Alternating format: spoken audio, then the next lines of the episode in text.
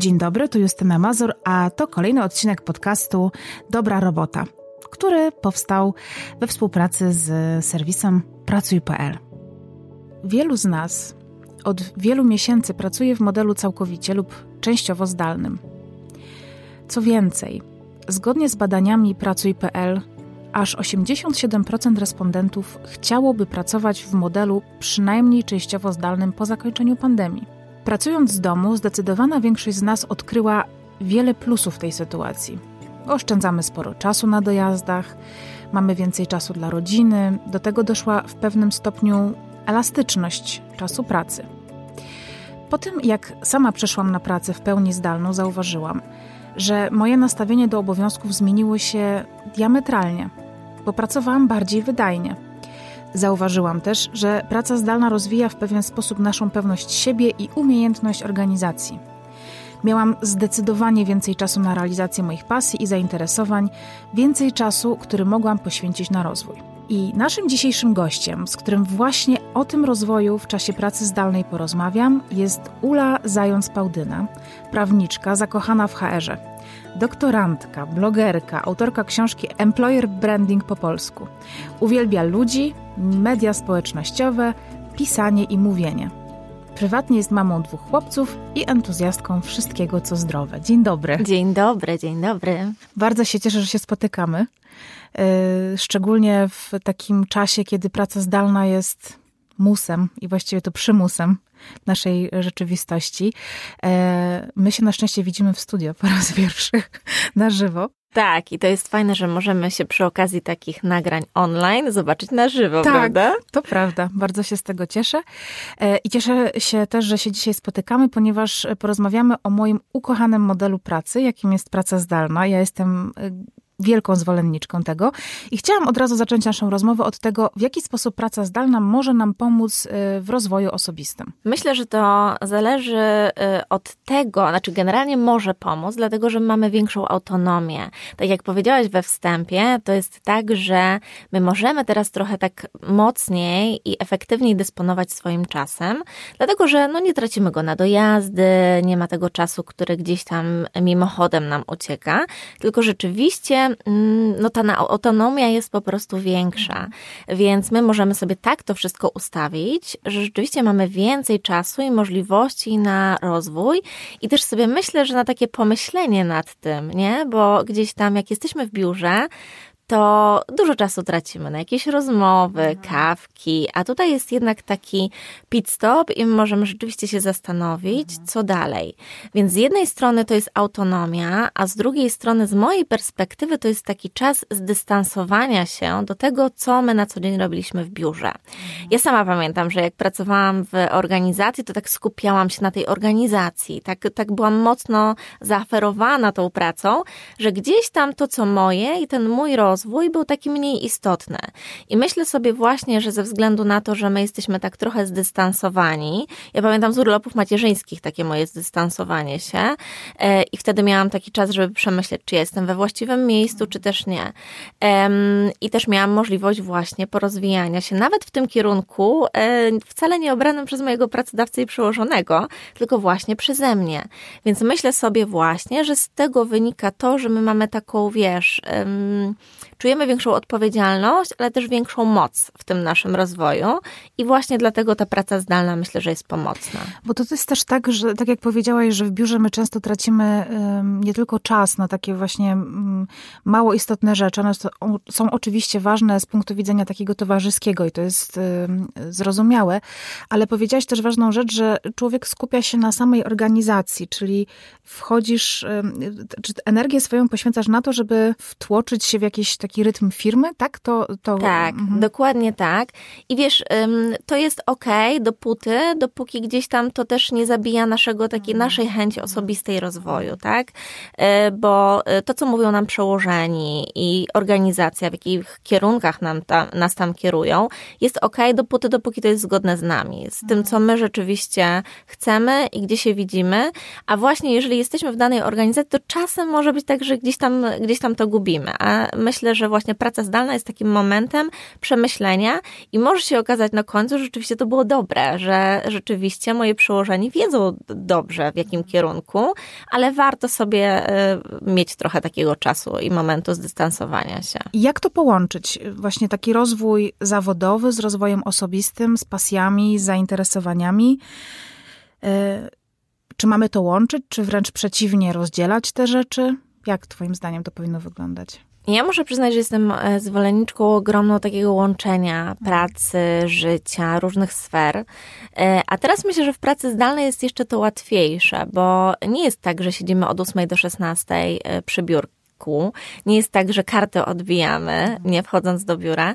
Więc um, kiedyś mówiliśmy o work-life balance i tak mocno stąpaliśmy, że nie, ja tutaj 8-16 wychodzę i w ogóle nie zaglądam nawet na pocztę firmową. Dzisiaj jest tak trochę, że gdzieś tam nawet wygodniej jest nam te strefy łączyć, bo e, bo możemy bardziej dysponować swoim czasem właśnie, że dzięki temu, że te elementy się łączą i nie jest tak, że od 8 do 16 jesteśmy w pracy, od 16 do 20 jesteśmy, nie wiem, mamami czy partnerkami, a y, później jesteśmy jakąś inną tam rolę pełnimy, prawda? Mamy na przykład czas na rozwój.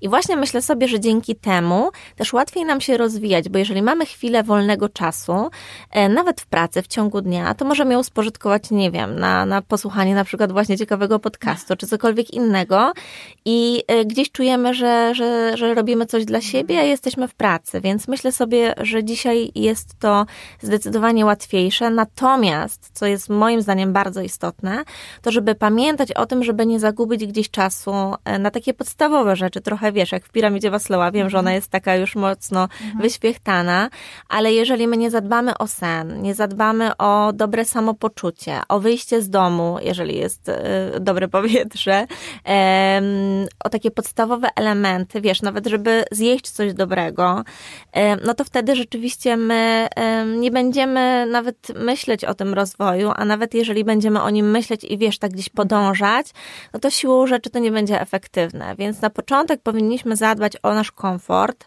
o to, żeby mieć wygodne krzesło, wygodne biurko, takie warunki do tego, żeby nam się komfortowo pracowało, przy okazji rozwijało, no bo jednak te sfery się przenikają, tak? Jak mi jest wygodnie w pracy, e, to rzeczywiście później to się przekłada też na moje życie, na moje funkcjonowanie później. Gdyby tak nie było, czyli e, pracodawca nie zapewnia mi tego, ja sobie tego nie zapewniam, siedzę gdzieś tam niewygodnie, no to siłą rzeczy później mam mniejszą chęć do rozwoju, do tego, żeby robić coś dodatkowego i myślę sobie, że czuję taką e, wewnętrzną złość, niezgodę i mam wtedy też inne podejście do pracy, nie? Chcę y, z Tobą jeszcze porozmawiać o tym właśnie, co jest bardzo ważne i może z mojego doświadczenia też chciałam moim doświadczeniem się podzielić. Właściwie takim, że na początku, jak e, zaczynałam pracować zdalnie, to sobie myślałam, że Boże, to jest po prostu praca z łóżka, nie? że ja nawet nic nie muszę robić.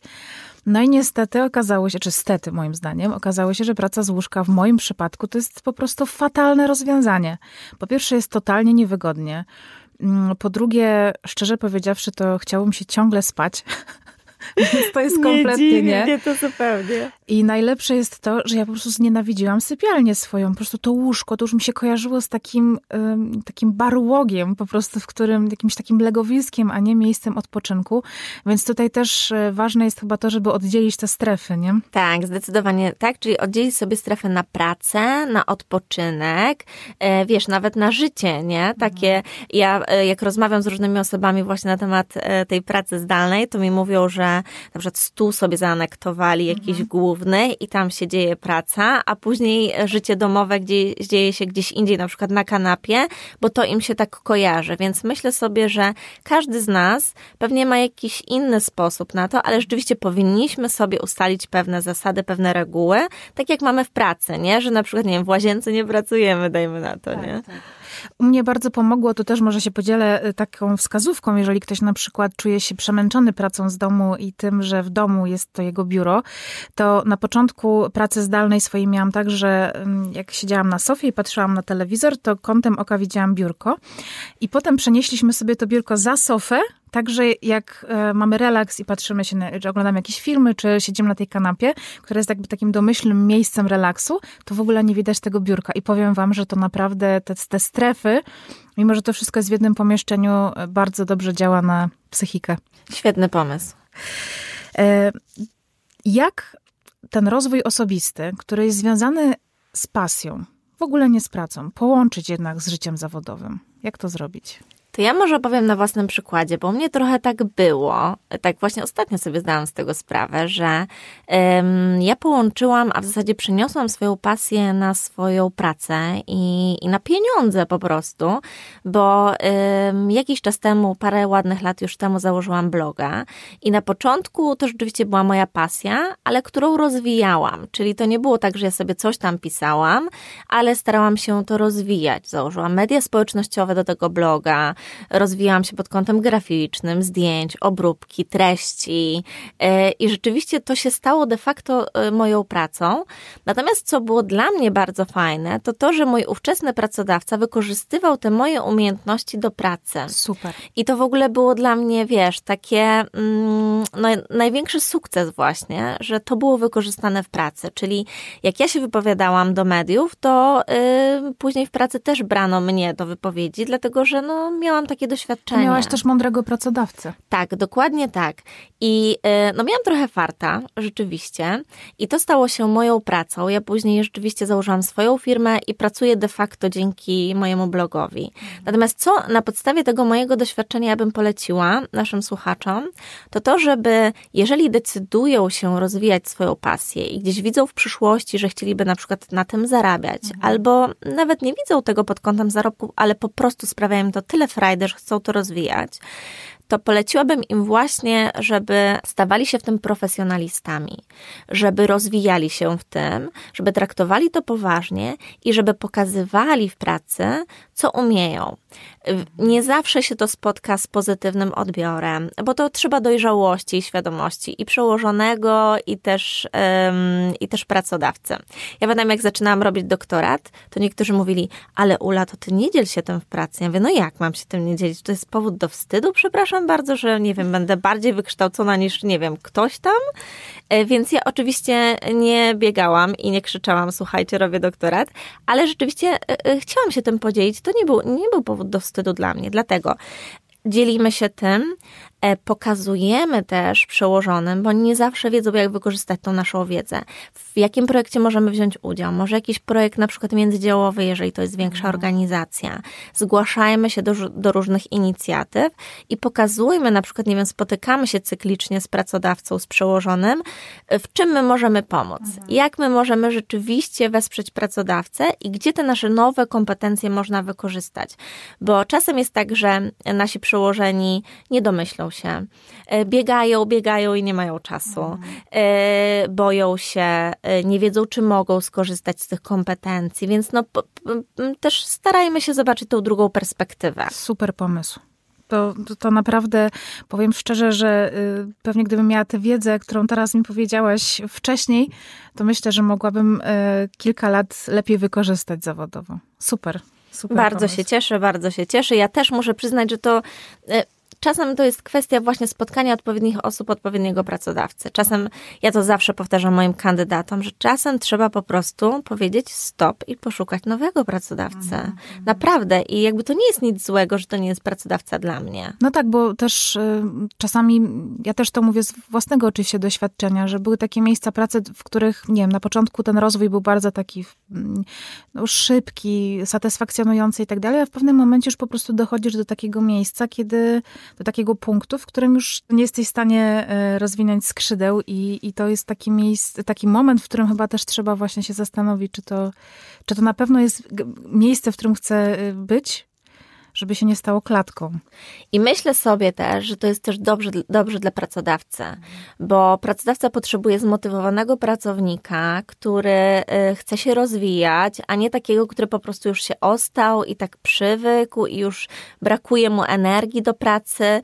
I naprawdę czasem to y, uczestniczyłam w takich rozmowach rozstaniowych i naprawdę czasem one są bardzo pozytywne, bo dwie strony dochodzą do wniosku, że to był super czas. Mhm. On się skończył, z, rozstajemy się w super relacjach, ale y, no, nasz czas wspólny się skończył. Czy powinniśmy brać pod uwagę wymagania pracodawcy przy y, planowaniu swojego rozwoju osobistego? To zależy. Mhm. To zależy od tego, gdzie my się widzimy w dłuższej perspektywie czasowej, bo um, jeżeli my widzimy się w danej organizacji, um, ufamy naszemu przełożonemu, widzimy, że um, to, do czego on nas namawia, czy co nam sugeruje, jest w porządku, to jak najbardziej tak. Mm, jeżeli natomiast my się widzimy gdzieś tam w dalszej perspektywie, e, gdzieś indziej, e, u innego pracodawcy. Być może chcielibyśmy zmienić zupełnie e, gdzieś nasz zawód, ścieżkę swojego rozwoju, to powinniśmy się zastanowić, czy rzeczywiście my powinniśmy rozwijać te elementy, które rzeczywiście gdzieś tam sugeruje nasz, nasz przełożony. Um, powinniśmy też tak naprawdę obserwować nasz obecny albo ten docelowy rynek pracy. Nasz, dlaczego? Dlatego, że no, każdy z nas funkcjonuje w jakichś ramach jakichś stanowisk, jakiejś specjalizacji, jakiejś branży i powinniśmy też wiedzieć, co się dzieje w ogóle na rynku, bo może się okazać, że um, te wymagania mojego obecnego pracodawcy nijak się mają do wymagań pracodawców na rynku. I my może rzeczywiście się rozwijamy u tego pracodawcy, ale ten rozwój u tego pracodawcy konkretnego, firmy X czy Y, no niestety nie będzie wspierał naszego rozwoju długofalowego. Dlatego też warto y, sprawdzać, co się dzieje na rynku. Warto na przykład, nie wiem, na pracuj.pl powiadomienia sobie zaznaczyć, że tak, ja chcę dostać powiadomienia y, o ofertach pracy w mojej branży. Wtedy ja będę wiedziała, czego oczekują pracodawcy i jeżeli okaże się, że w tej trudnej sytuacji, jaka jest obecnie dla, w niektórych branżach, będę, nie wiem, zwolniona, coś tam się wydarzy po drodze, po drodze, czy ja nie będę chciała pracować długofalowo, to wtedy ja będę przygotowana ewentualnie na, coś, na to, co się będzie, będzie działo na rynku i rzeczywiście moje kompetencje będą odpowiadały temu, czego oczekują pracodawcy. No tak, bo nie musisz w tym momencie czuć, że chcesz odejść od pracodawcy, ale być przygotowana na moment, gdyby do takiego odejścia miało, miało dojść, prawda? Dokładnie tak. I wiesz, ja pamiętam, że jak rozpoczynałam w ogóle pracę w HR-ze, to wtedy stanowiska się dzieliły na dwa rodzaje: miękki i twardy HR. E, I od tego miękki, czyli właśnie rekrutacja, głównie szkolenia, a twardy HR, no to kadry, płace. Mhm, I od tego czasu się tyle zmieniło. Tych stanowisk jest mnóstwo. Są stanowiska począwszy od analiz, analityki HR-owej, HR-owej poprzez compensation and benefits, poprzez mhm. rekrutację, która sama w sobie już jest mocno e, rozwinięta. Wiesz, poszukują researcherów, poszukują konsultantów 360 stopni, employer branding, mnóstwo specjalizacji. I jeżeli my nie obserwujemy tego rynku naszego pracy, no to my sobie myślimy dalej, miękki, twardy HR, a już mnóstwo się zmieniło i to dzisiaj wygląda kompletnie inaczej.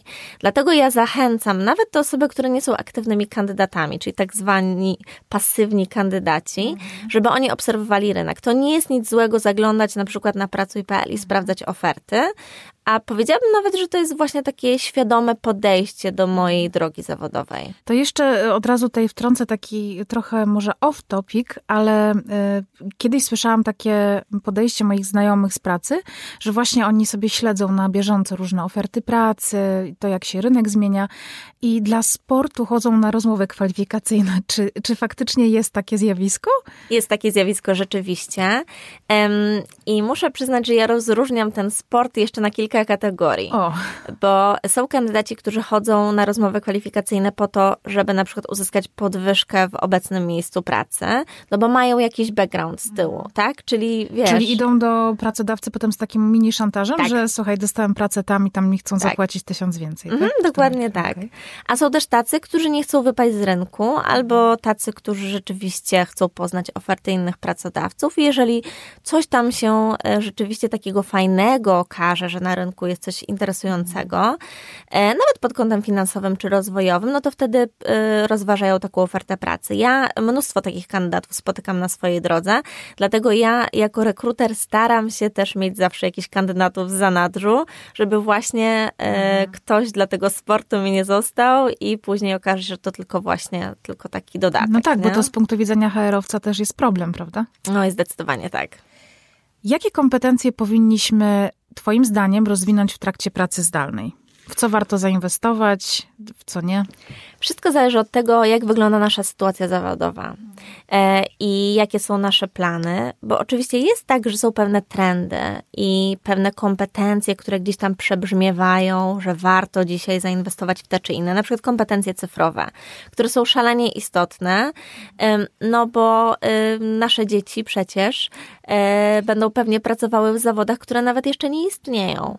E, I też badania pokazują, że my jesteśmy jako Polacy słabo dość wypadamy w kontekście na przykład kompetencji cyfrowych.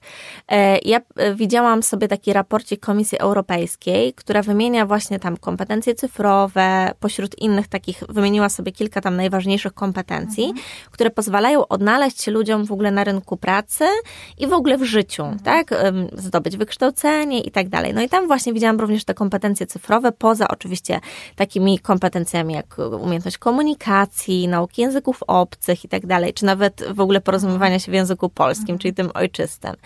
No i y, uważam, że to rzeczywiście warto o tym myśleć nie tylko pod swoim kątem, żebyśmy my wiedzieli, jak wykorzystać technologię, internet do naszej pracy, do nauki, ale też myślę sobie, że pod kątem naszych dzieci, żeby sobie poradziły, bo nie tylko wiesz, tablety, y, ale też właśnie umiejętność wykorzystania tego, na przykład w pracy zawodowej.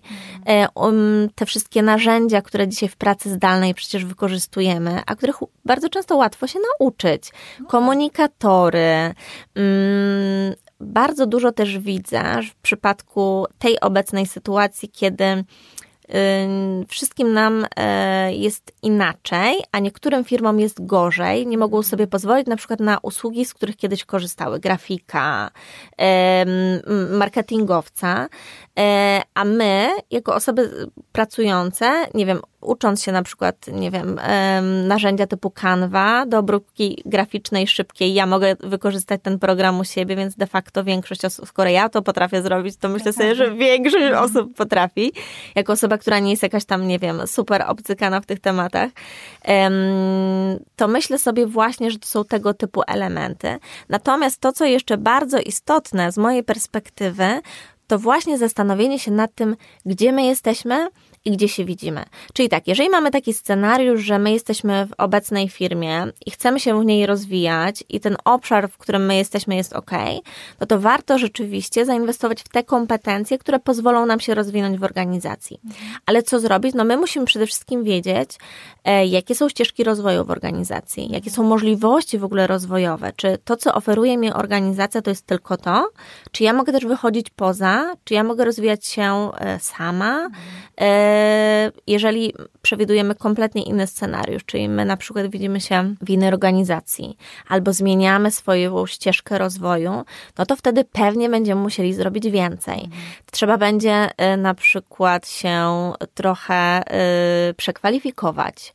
Może trzeba będzie zmienić pracę na przykład na niższe stanowisko, co jest często bardzo trudne. Bo trzeba, wiesz, zrobić dwa kroki do tyłu, y, mniejsze wynagrodzenie, y, mniejsza specjalizacja, ale no tak bardzo chcemy zmienić tą swoją ścieżkę, że jesteśmy w stanie rzeczywiście y, to zrobić. Inny scenariusz to też założenie swojej własnej działalności, na przykład swoja własna firma. I ja bardzo często to słyszę wśród znajomych, a kandydaci niechętnie o tym mówią, bo boją się, że gdzieś tam zostanie to tak wprost odebrane, nie? że mhm. okej, okay, oni tu przychodzą do nas, a de facto chcą e, mieć swoją działalność. E, no i co? No i wtedy może nie skok na głęboką wodę, bo może nie możemy sobie pozwolić. Ja też nie mogłam sobie pozwolić na to, żeby rzucić wszystko i zaczynać od nowa, tylko właśnie starałam się w międzyczasie specjalizować w tym, w czym chciałabym prowadzić swoją firmę. Więc tak naprawdę to będzie zależało od tego scenariusza, który sobie obierzemy, a myślę sobie, że właśnie czas pracy zdalnej to jest taki dobry moment na to, żeby rzeczywiście się zastanowić, gdzie ja się widzę, mhm. żeby w trakcie sobie popatrzeć, czy to jest rzeczywiście to, w czym ja się widzę docelowo. Mhm. Warto również pamiętać o tym pod kątem rozwoju, że samo szukanie pracy może zająć nam trochę czasu, że to nie jest tak, zwłaszcza dzisiaj, że my znajdziemy pracę yy, od razu, może się okazać, że to będzie dłuższa perspektywa czasowa. Może się okazać, że to nam zajmie nawet więcej czasu niż my na początku myśleliśmy. Więc e, to jest na przykład czas na to, żeby się podszkolić w pewnych umiejętnościach, żeby się nie załamywać od razu, że pracodawcy, mówiąc kolokwialnie, nie walą drzwiami i oknami, tylko właśnie potraktować to jak, jako taki czas na to, żeby dopracować pewne rzeczy i być obecnym e, właśnie w kontekście poszukiwania pracy. Dopracować swoje dokumenty, zadbać o ewentualnie dopasowanie kompetencji do ofert i nie załamywać się, że, że już nie mamy tej konkretnej oferty, o którą walczymy. To załóżmy, że wybieram ten scenariusz y, małych kroczków i powoli się specjalizuję w jakiejś innej dziedzinie, rozwijam kompetencje. E, w jaki sposób mogę to zrobić? Co byś poleciła? Ja bym poleciła to, żeby przede wszystkim rozmawiać z ludźmi, ludźmi, którzy y, już ten krok podjęli, to jest to, czego mi na przykład brakowało, czego ja nie zrobiłam, bo zrobiłam jakiś swój research, sprawdziłam rynek, zaplanowałam sobie wszystko, e, ale mało rozmawiałam z ludźmi, którzy już przeszli tą drogę, którzy e, napotkali na różne trudności, na niuanse. No tak, bo one się z tobą mogą podzielić swoim know-howem i, i wszystkimi wpadkami, które musieli przeżyć na własnej skórze, a ty masz właściwie gotową wiedzę, nie? Dokładnie tak. I muszę Ci powiedzieć, że mm, myślę, że my e, też trochę nie doceniamy tych rozmów z ludźmi. Wiesz, że dla nas rozwój to tylko szkolenia, testy, certyfikaty, kwalifikacje, a warto jednak rozmawiać z innymi ludźmi, e, patrzeć, jaką drogę oni przeszli, jakie błędy popełnili, bo oczywiście my popełnimy mnóstwo, ale, ale myślę, że to jest szalenie istotne. A kursy na przykład, czy to jest dobry moment na to, żeby na przykład właśnie zainwestować w jakiś kurs, który będzie rozwijał, no nie wiem, tak jak już podałaś ten przykład graficzny, y, to na przykład weźmiemy sobie kurs na przykład Photoshopa, nie? czy na przykład projektowania stron y, internetowych. Y, to czy to jest taki rozwój, który ty generalnie też rekomendujesz, że to jest dobry czas na takie, na takie mm, inicjatywy? Oczywiście, że tak, bo e, czas pracy zdalnej myślę sobie właśnie, że jest takim momentem, że my mamy mnóstwo dostępnej wiedzy. Zobacz, jak teraz mnóstwo ludzi jest dostępnych, bo kiedyś e, było tak, że trzeba było wydać sporo pieniędzy, żeby, e, żeby udać się na taki kurs. Mhm. Trzeba, dla mnie na przykład takie niedoścignione trochę były międzynarodowe konferencje naukowe albo jakieś biznesowe. Dzisiaj to wszystko się przyniosło do online, więc mamy i kursy dostępne online, gdzie możemy zdobyć certyfikat czy jakieś potwierdzenie swoich umiejętności. Mamy wszelkiego rodzaju właśnie szkolenia, konferencje, mamy webinary z możliwością zadawania pytań. E, mamy wszelkiego rodzaju wyzwania, nawet takie w mediach społecznościowych, które pozwalają na to, żebyśmy my zdobyli konkretne kompetencje, bo my my wykorzystujemy swoją wiedzę i się sprawdzamy w czymś. E, newslettery napakowane wiedzą, mnóstwo jest takich możliwości. I naszym zadaniem powinno być teraz, już dzisiaj, kiedy tej wiedzy jest dostępnej mnóstwo, e, kiedy mnóstwo ludzi się aktywowało e, online, żeby sobie to przefiltrować, zastanowić się, co będzie dla mnie dobre, czyli tak, jaka forma, ale też od kogo wiedza. Nie pierwsza lepsza, tylko rzeczywiście ja bym zrobiła sobie research, posprawdzała, e, jakie kompetencje ja mogę e, zdobyć, w jakich formach i też co dla mnie będzie odpowiednie. Bo wiesz, dla mnie na przykład może być ok to, że ja sobie posłucham podcastów, e, czy nawet kogoś na Insta Stories, kto świetnie gada po prostu, a dla kogoś innego to może być taka wiedza podawana w ramach kursu z testem, z certyfikatem na końcu. Mhm. Więc my powinniśmy się zastanowić, jaka forma i też od kogo, bo tak dużo mamy teraz specjalistów, specjalistów na rynku, którzy się chętnie dzielą wiedzą, co z jednej strony jest genialne, bo możemy naprawdę zadać takim ludziom e, pytania, którym ja bym kiedyś nawet się nie odezwała mhm. do nich, e, a dzisiaj oni są e, tak naprawdę podani nam na tacy, a z drugiej strony mamy mnóstwo ludzi, którzy po prostu gadają i nie zawsze ta wiedza jest, jest konkretna i wartościowa. To jest w ogóle też niezwykłe, co powiedziałaś, że ja na przykład mam tak, że ja zawsze miałam problem z tym, żeby gdzieś wyjść z domu, pojechać, zderzyć się z ludźmi, e, już nie daj Boże uprawiać jakikolwiek networking, bo to jest po prostu coś, co mnie zawsze zżerało.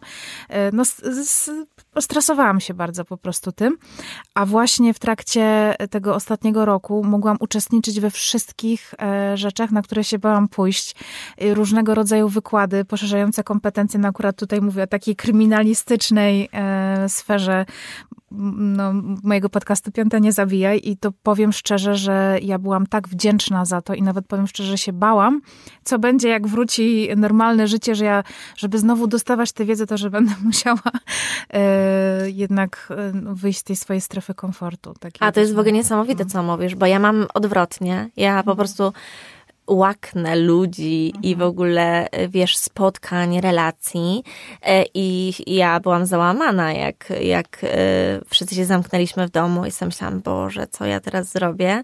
A okazało się, że można online, można się mhm. spotykać online. Już nawet takie, wiesz, rozmowy z ludźmi e, są, mogą być dla nas naprawdę pożyteczne. To jest prawda.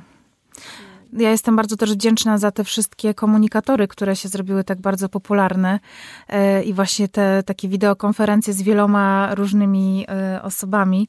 E, I nawet tak przeżyliśmy kilka, powiedzmy, no może nie imprez, ale, ale takich spotkań towarzyskich właśnie online w czasach lockdownu i, i przyznam szczerze, że jest to no, oczywiście namiastka ale taka, która pozwala przetrwać. I tak, i okazało się, że można, że tak. można rzeczywiście w ten sposób się spotykać, można budować relacje i usprawniać sobie swoją pracę, bo dzięki temu właśnie, że my się spotykamy online, że są te właśnie tak zwane integracje, to, y, to gdzieś tam my też mhm. budujemy sobie relacje z ludźmi. Powiedz mi jeszcze, jak jednocześnie rozwijać się i nie tracić y, motywacji? Bo to jednak też, żeby, żeby się rozwijać, to trzeba mieć jakiegoś takiego kopa do działania. Trzeba mieć dużo y, świeżej energii.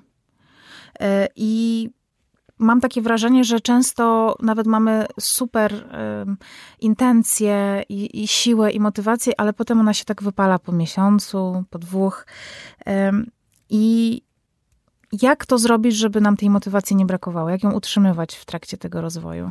I tych zmian. Jeśli chodzi o, mo o, motywację, to myślę, że bardzo ważne jest to, żebyśmy sobie obrali nasz cel, a nie cel kogoś. Bo y, wyobrażam sobie, że, że ja tak słyszę wiele rzeczy gdzieś z boku, co jest modne, w czym ja powinnam się rozwijać, gdzie ktoś mnie widzi docelowo, bo przecież ty masz to, ty masz tamto, ty masz takie umiejętności. I mm, to od nas zależy, jaki my cel sobie wybierzemy. Jeżeli to będzie cel kogoś innego, to może się okazać, że ta motywacja bardzo szybko ucieknie.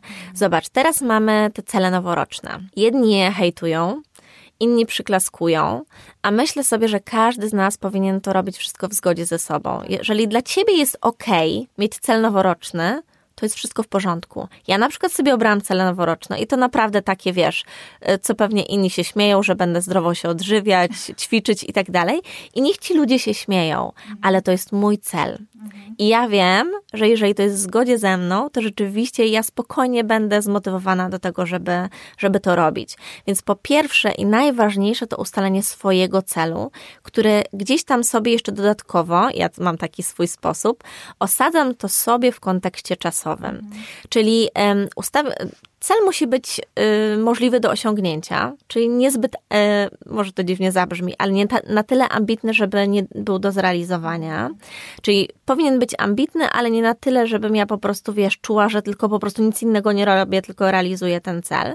No i kontekst czasowy ja sobie ustalam zawsze długofalowo to, czyli nie, wiesz, na dany dzień, mhm. bo mogę być chora, mieć złe samopoczucie, bo jest minus 20 stopni za oknem i mi się po prostu nie chce mhm. czegoś robić nie biczuję się, że nie wiem, w piątek wieczorem wygrał Netflix, a nie czytanie jakiejś książki rozwojowej, nie? Mhm. Tylko ja sobie to ustalam, nie wiem, na tydzień, na miesiąc, na dwa miesiące.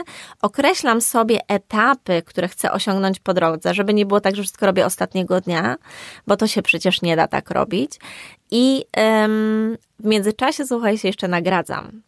Czyli y, ja mam swój mhm. taki własny sposób na to, żeby się mobilizować, mhm. tak? I motywować, że osiągnęłam określone tam swoje etapy, kamienie milowe i się po prostu nagradzam jakimiś swoimi sposobami.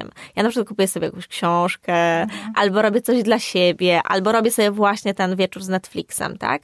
Czyli jeżeli my mamy swój cel, poszatkujemy sobie go odpowiednio, ułożymy w kontekście czasowym, to jest, jest spore prawdopodobieństwo, że my dobijemy do tego naszego e, konkretnego efektu, do którego rzeczywiście chcemy dobić.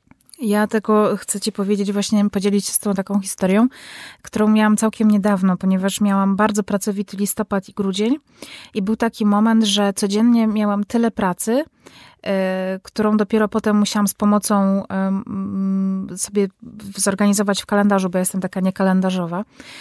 I miałam coś takiego, co było wielkim błędem, bo właśnie chciałam się nagradzać za zrobioną pracę. A czasami nie dało się na przykład tej pracy skończyć jednego dnia.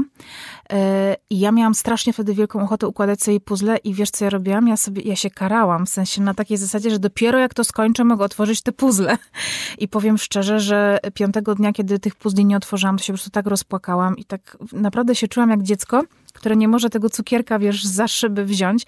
I dopiero potem nagle tak mnie olśniło mówię, kurczę, dlaczego nie mogę? Przecież oczywiście, że mogę, bo to jest nagroda za pracę, a nie za wykonane zadanie, nie? które zajmuje tam więcej czasu, więc też jakby tutaj przestrzegam przed tą taką pułapką em, nagradza, znaczy nie, nagradzanie jest super oczywiście, tylko żeby ta nagroda też nie była karą jednocześnie, bo tak, dla mnie to była nagroda, ale jednocześnie też kara, nie? To ja jestem kalendarzowa i to, czego nie zrobię, sobie przepisuję na kolejny dzień czy na kolejny tydzień mhm. i uznaję, że po prostu jeżeli mam y, bufor czasowy, to wszystko jest w porządku. To ja wiem, że ja się wyrobię y, i po prostu sobie to odhaczam jako zrobione i idę i gdzieś tam widzę w tym swoim kalendarzu, że wszystko jest w porządku, że ja panuję nad tym i mogę sobie obejrzeć tego Netflixa czy zjeść tego cukierka, nie? Powiedz mi jeszcze a propos nauki, takiej właśnie mm, związanej z tym rozwojem osobistym, jak efektywnie się uczyć, żeby też ta nauka nie zajmowała nam zbyt wiele czasu, żeby właśnie to też nie demotywowało nas w tym rozwoju? Myślę sobie, że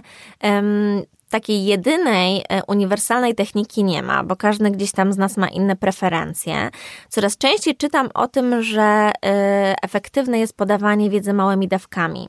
E, I jest to gdzieś tam efektywniejsze dla, dlatego rzeczywiście, że my po prostu e, chętniej się tak uczymy i nawet wiesz, gdzieś w tramwaju, w pociągu po prostu małe dawki, ale jednak tą wiedzę przyswajamy. E, co jeszcze? Ma, warto pomyśleć o harmonogramie, o którym już wcześniej mówiłam i dostosowywać po prostu to do naszego harmonogramu. Pamiętać o systematyczności, czyli nie wszystko na ostatnią chwilę. Mhm. Czyli jeżeli jestem kalendarzowa, to sobie rzeczywiście wpisuję to po kolei w kalendarz. E, no i dostosowywać sobie formę podawania, że tak powiem, tej wiedzy do tego, kim my jesteśmy. Czy my jesteśmy wzrokowcami, czy też nie. Jak my się rzeczywiście uczymy i co nam jest wygodniejsze, że tak powiem. Mhm. Czy jednak y, powinniśmy słuchać, dajmy na to, bo to jest gdzieś tam nam bliskie, nie? Y, oczywiście wygodne miejsce do nauki, takie komfortowe. Y, czas też przeznaczony do tego, żeby nie było tak, że ktoś nad nami stoi, bo ty po prostu musisz już teraz uciekać, nie wiem, z psem na spacer, a ty jeszcze się uczysz. E, no i motywacja, o której wcześniej mówiłam, tak, żebyśmy my rzeczywiście czuli, że my chcemy to osiągnąć, nie, że, e, bo bez tego, no to nawet najwygodniejszy fotel, super narzędzia, wypasione gadżety, e, no nie skłonią nas do tej nauki. No nie skłonią. Jeszcze na koniec mam do Ciebie pytanie dotyczące tego, jak mamy ograniczony w tym momencie, jak możemy mieć ograniczony kontakt w pracy zdalnej z naszym przełożonym i załóżmy, że już się rozwijamy, że to wszystko, że pakujemy mnóstwo energii w to, a zaangażowania i tak dalej, ale przez to, że nie mamy takiego bezpośredniego kontaktu z naszym przełożonym, to on o tym nie wie, że my się rozwijamy. I w jaki sposób e, w pracy zdalnej go o tym poinformować, dać mu znać, pokazać mu, że się rozwijasz? Myślę sobie, że jak my mamy dobre relacje z przełożonym. I jak ta komunikacja jest, to on na pewno wie. Bo gdzieś wiesz, podczas rozmów naszych, nie wiem, raz w tygodniu, czy tam raz na parę dni, czy nawet takiej codziennej komunikacji, którą ja najbardziej lubię, mhm. czyli w międzyczasie, e, on wie, co się u nas dzieje, co u nas słychać, co też robimy e, w czasie wolnym, jeżeli oczywiście mamy chęć mhm. się tym podzielić. Natomiast jeżeli czegoś takiego nie ma, to nasze zadanie polega na tym, że my powinniśmy to po prostu zakomunikować. Jeżeli mamy jakieś statusy, nie wiem, spotkania cotygodniowe e, i przełożona spyta, co tam słychać, to mówmy mówmy mu o tym, co robimy, że się mhm. rozwijamy też dodatkowo, że nie stoimy w miejscu.